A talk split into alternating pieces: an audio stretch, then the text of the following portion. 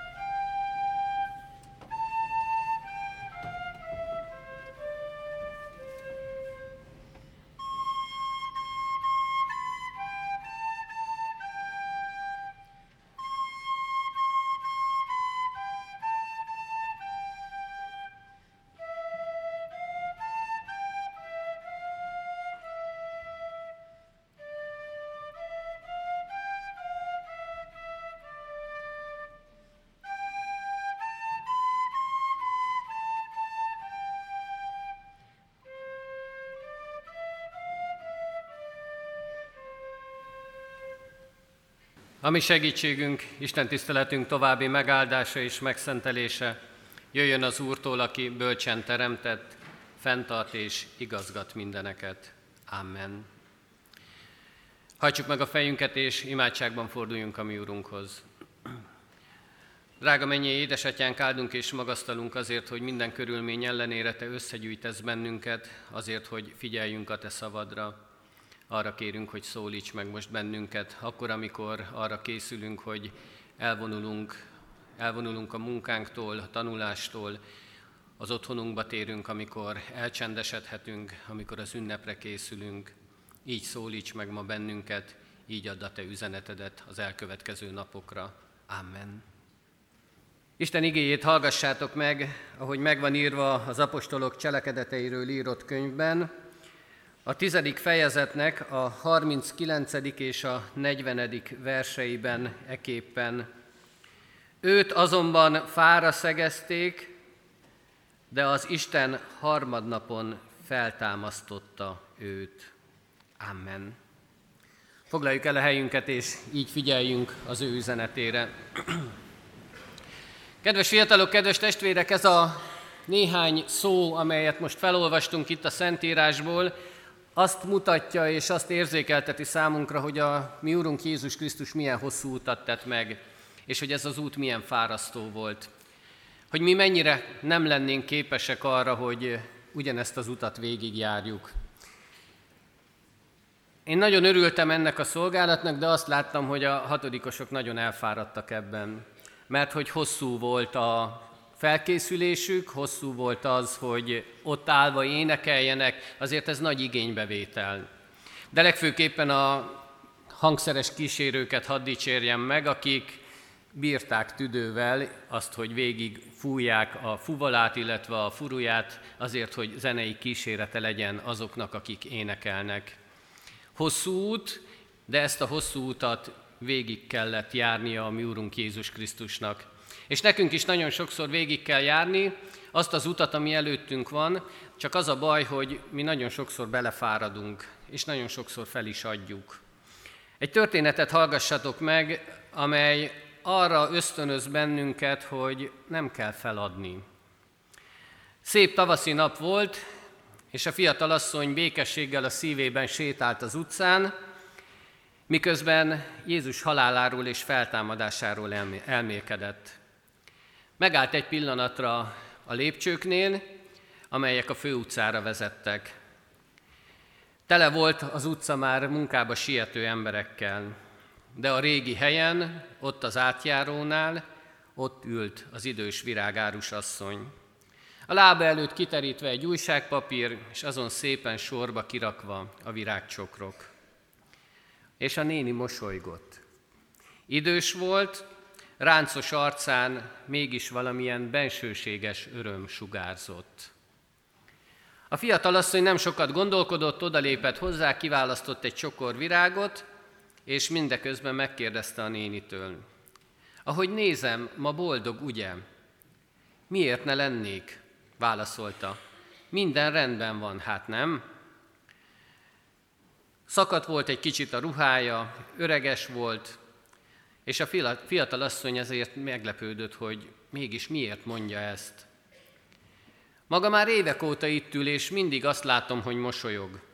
Úgy látszik, hogy jól viseli a bajokat. Az idős asszony válaszolt, aki ilyen magas kort ér meg, az nem kerülheti el a bajokat. Tudja, kedves, olyan ez, mint Jézus és a nagypéntek. És akkor elhallgatott.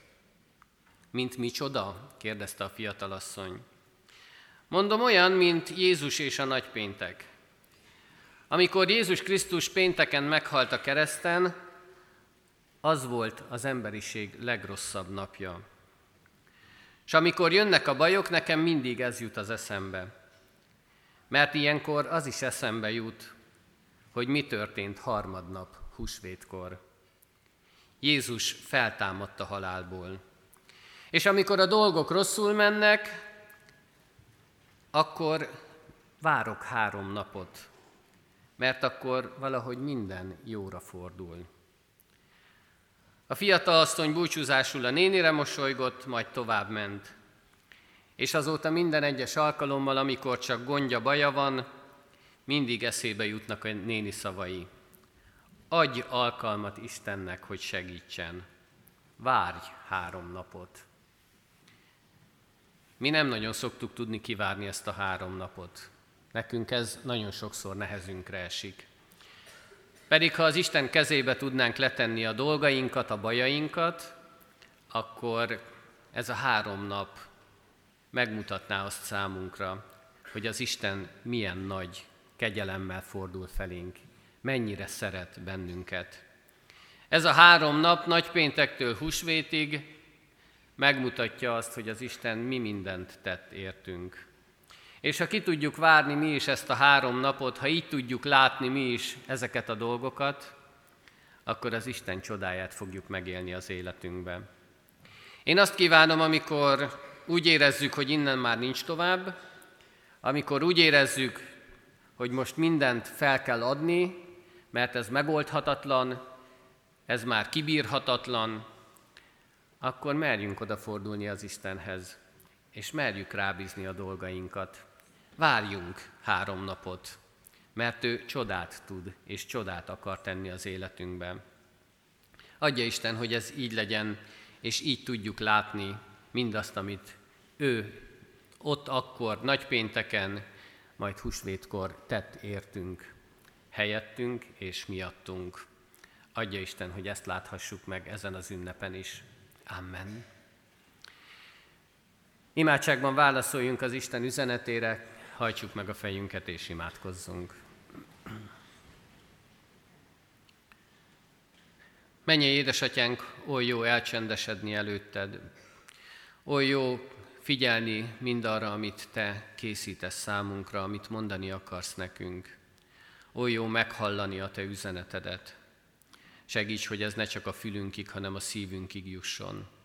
Hogy most, amikor az ünnepre elvonulunk, akkor ne csak a külsőségeket lássuk, hanem értsük meg a Te akaratodat, mindazt, amit egyszülött fiadban, az Úr Jézus Krisztusban tettél értünk. Segíts bennünket ebben, Urunk, hogy ilyen áldott és békés ünnepünk lehessen. Amen. Jöjjetek együtt is imádkozzunk, közösen mondjuk el a mi Urunktól, Jézus Krisztustól tanult imádságunkat. Mi atyánk, aki a mennyekben vagy, szenteltessék meg a te neved. Jöjjön el a te országod, legyen meg a te akaratod, amint a mennyben, úgy a földön is. Minden napi kenyerünket add meg nékünk ma, és bocsáss meg védkeinket, miképpen mi is megbocsátunk az ellenünk védkezőknek. És ne vigy minket kísértésbe, de szabadíts meg a gonosztól, mert tiéd az ország, a hatalom és a dicsőség. Mindörökké. Amen. Foglaljuk el a helyünket, és van egy nagyon szép ének, amelyet reménység szerint sokan ismertek már, Krisztus virágunk, szép termőágunk, ezt az éneket énekeljük el. Az éneknek az a jellegzetessége, hogy a második és a harmadik sora az mindig ugyanaz, feltámad Krisztus, vígadjunk, bűnünk, bűnből, halálból támadjunk.